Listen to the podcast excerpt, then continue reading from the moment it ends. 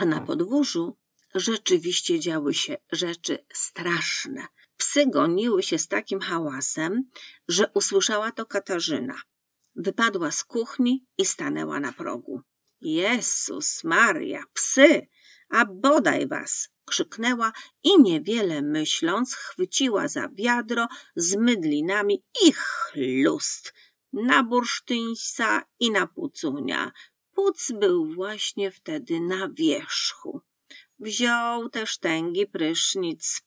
Bursztynsio oberwał tylko ścierką. Skorzystał z tego, że mydliny szczypały Pucka w oczy i łap za kość. Obejrzał się, gdzie by tu ją pogryźć w wygodzie i spokoju. Zobaczył prześcieradło leżące na ziemi, skoczył na nie. Dopadła go tam Katarzyna. Łap za kark, ale się jakoś wyrwał. Sunie przed siebie, a mierzy ku furtce. Już miał szmyrgnąć w ulicę, wtem furknęło mu coś nad głową, obejrzał się i to go zgubiło, bo trzewik Katarzyny trafił go w kark. Odbił się od bursztynsia i bęcnął w parkan. Długo trwało, zanim Katarzyna pozbierała bieliznę z ziemi, otrzepała z piasku, a dobrze utytłaną w błocie zabrała do przepierki.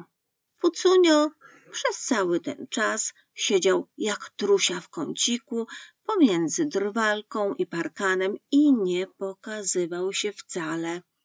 Wyglądał tylko ostrożnie jednym okiem, co i jak. Nareszcie, kiedy Katarzyna poszła do kuchni i drzwi się za nią zatrzasnęły, Puc wysunął się z kąta. Suchego włoska na nim nie było, a do tego ten ohydny zapach mydlin, aż mu się mdło zrobiło, gdy sam siebie powąchał. Od razu wiedziałem, że ten smarkacz, ten szczeniak, bursztyn wplącze mnie w jakąś awanturę, wyrzekał. Jak to mnie czuć? Za dwa tygodnie nie będę się mógł pokazać w żadnym psim towarzystwie.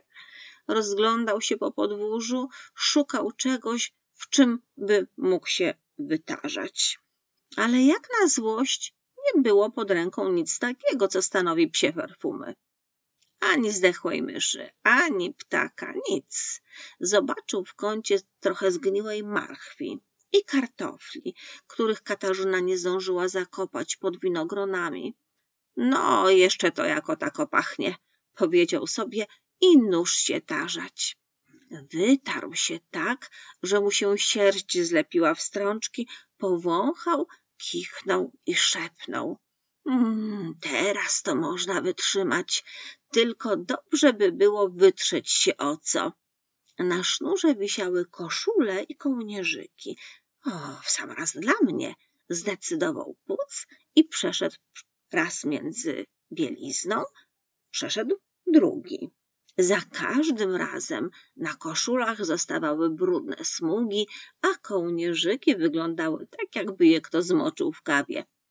Teraz warto się przespać, ale lepiej Katarzynie zejść z oczu. Pranie, hm, nic dziwnego, że zła. Idźmy do ogrodu. Poszedł. A tam pod oknem rosły rdesty, takie dość rzadkie kwiaty, które świeżo sprowadzono z Warszawy. Pocunio spojrzał w tę stronę i zdecydował, że miejsce dla niego jak ulał. Położył się, ale że młode pędy rdestów kuły go w boki, więc wstał. Zawsze tam, gdzie najlepsze miejsce do spania, muszą rosnąć dzikie chwaściska. Kłuje to, że wytrzymać nie można. Pomrukiwał ze złością, bo mu się potężnie na sen zbierało. I teraz zabrał się do oczyszczania miejsca. Szarpnął jeden młody pęd, wyrwał, targnął za drugi, trzeci. Czego nie mógł wyrwać, to zdeptał albo połamał. Nareszcie urządził sobie legowisko, jak się patrzy, umieścił się wygodnie, ziewnął i zaraz zasnął. Zrazu spał jak kamień. Nic mu się nie śniło, ale po pewnym czasie poczęły mu się marzyć przygody z kością. On goni bursztyna, bursztyn ucieka tak prędko, że płuc ani rusz nie może go dogonić. Na próżno majta nogami przez sen i poszczekuje cicho, tak jakby jęczał. Biegnie, biegnie, aż tu nagle bursztyn fru w górę. Przygląda mu się Pucunio zdziwiony i dopiero teraz widzi, że to nie bursztyn i nie wróble, ale motyl. Macha skrzydełkami, macha, skrzydła stają się coraz większe, czerwienieją, nabierają plam czy pasów. Co to? Toż to Katarzyna fruwa w powietrzu. Jeszcze tego brakowało. Jak tu się przed nią ukryć? Kręci się po podwórzu biedny Pucunio, jak może, a Katarzyna wciąż nad nim ścierką wywija. Aj! Jęknął przez sen i obudził się. Rozejrzał się dokoła. Katarzyny wprawdzie nie zobaczył w powietrzu, ale spostrzegł, że go coś w bok uwiera. Ostatnia żywa gałązka rdestu. Uciął ją zębami przy samej ziemi, obrócił się na drugi bok i znów zamknął oczy. Puc, bursztyn i goście.